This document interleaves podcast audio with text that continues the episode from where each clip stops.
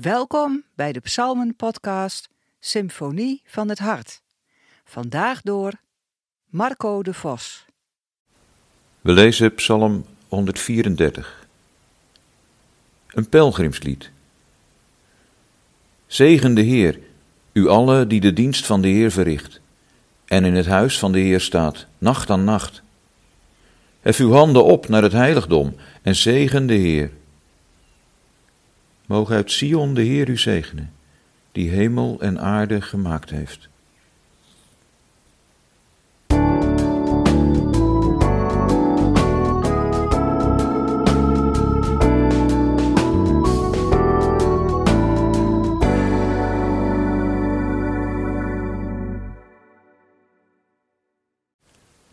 Een pelgrimspad is tegenwoordig vaak gewoon een lange afstandswandeling. Het doel is dan niet meer een bestemming, een eindpunt. Het doel is de weg die je gaat, het wandelen. Daar is uiteraard niks mis mee. Het is gezond en waardevol. Maar een echte pelgrimsreis heeft een doel. Dat hebben de pelgrimspsalmen ook. Psalm 134 is de laatste van de vijftien psalmen die de liederen van de opgang worden genoemd. Het zijn liederen die onderweg gezongen werden door de Joden die vanuit de ballingschap optrokken naar Jeruzalem. Liederen die onderweg gezongen zijn door Jezus, toen hij als twaalfjarige jongen met Jozef en Maria op weg was. Liederen die onderweg gezongen zijn door Jezus en zijn leerlingen, die laatste weg naar Jeruzalem. Ze zijn een mengeling van vreugde en verdriet, van zorgen en blijdschap. Ze beginnen in Psalm 120 vanuit de diepe wanhoop van een vreemdeling in een ver land. Ze eindigen in onze psalm, als de lichten van de tempel opdoemen, als de reiziger daar de priesters of levieten ziet staan bij de ingang van het heiligdom. Psalm 134 is een lied van aankomst, van begroeting. Een toch wat verrassende begroeting, want het begint met een oproep aan de priesters. Zegen de Heer. Kunnen wij God zegenen? Als God ons zegent, dan komt hij dichterbij. Dan spreekt hij uit dat hij betrokken is bij ons leven. Omdat Gods woorden kracht hebben, scheppingskracht, maakt zijn zegen verschil in ons leven. Als wij God zegenen, dan komen we ook dichterbij. Dan spreken we onze dankbaarheid uit dat Hij betrokken is op ons leven. Daarom wordt het Hebreeuwse woord voor zegenen, barak, hier ook wel vertaald met prijzen. Kom, prijs de Heer, alle gij knechten van de Heer.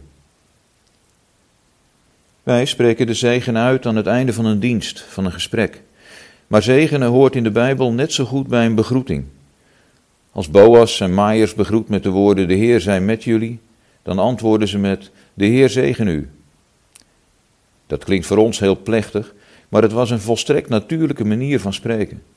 Ik vind het eerlijk gezegd wel jammer dat we dat zijn kwijtgeraakt. Maar terug naar de begroeting in Psalm 134. Ook daar klinkt als antwoord van de priesters: De Heer zegen u. Let op, het staat er in het enkelvoud. De Heer wil jou, individuele pelgrim, zegenen. De God die hemel en aarde gemaakt heeft, heeft onder miljoenen mensen ook jou op het oog. Die hemel en aarde gemaakt heeft.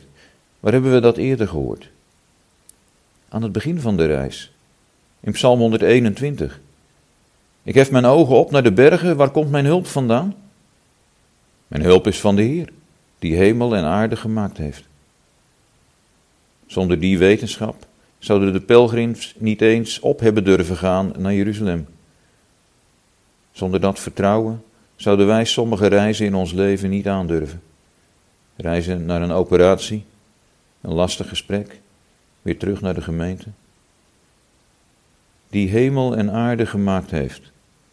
Met die woorden wordt de reis van de pelgrims onderdeel van een groter geheel. Verbonden met Gods schepping. Verbonden met die eerste keer dat God een mens zegende.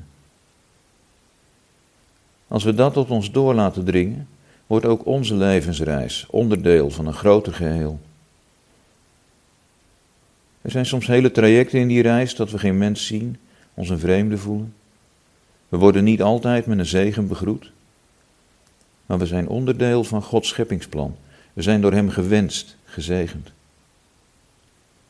Durf zo onderweg te zijn, met de liederen van de opgang in je hart. Want ons leven is geen lange afstandswandeling met als doel in beweging te blijven. Ons leven heeft een ander doel, een plek waar we naar onderweg zijn. Voorbij het aardse Sion, waarover Psalm 134 zingt, zien we de contouren van het hemelse Jeruzalem. Richten we ons op Gods nieuwe hemel en nieuwe aarde.